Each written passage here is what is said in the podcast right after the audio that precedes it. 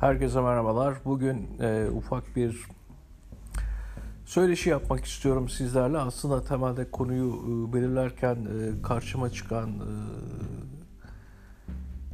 bir tweet üzerinden hareket ediyorum. O da şu, e, bugün Milli Eğitim'in EBA sistemi içerisinde başlatmış olduğu programlarda kısa süreli bir e, istenmeyen bir video gösterimi söz konusu olmuş. Tabii Twitter çalkalandı. İnanılmaz derecede sisteme, hükümete, iktidara, e, AK Parti'ye saldırı boyutunda mesajlar okuduk. Akşam üzeri de Sayın Bakan çıktı ve olayda büyük bir üzüntü duyduğunu ifade etti.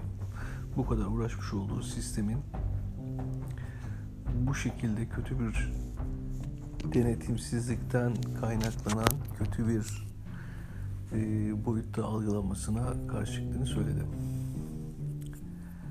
Bence açısı durduğum yer şu evet ciddi bir hataydı bu yapılmaması gerekiyordu.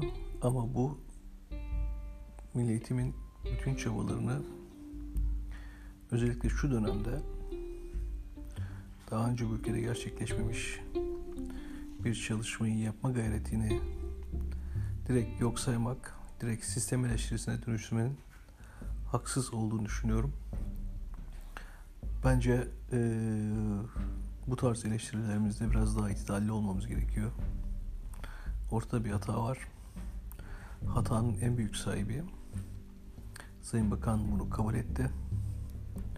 Olayı çok daha fazla büyütmenin bir anlamı yok. Özellikle zor zamanlarda çocukların evde eğitim, uzaktan eğitim çabalarına, milli eğitimin bu konudaki çabalarına destek verilmesi gerektiğini düşünüyorum. Teşekkürler.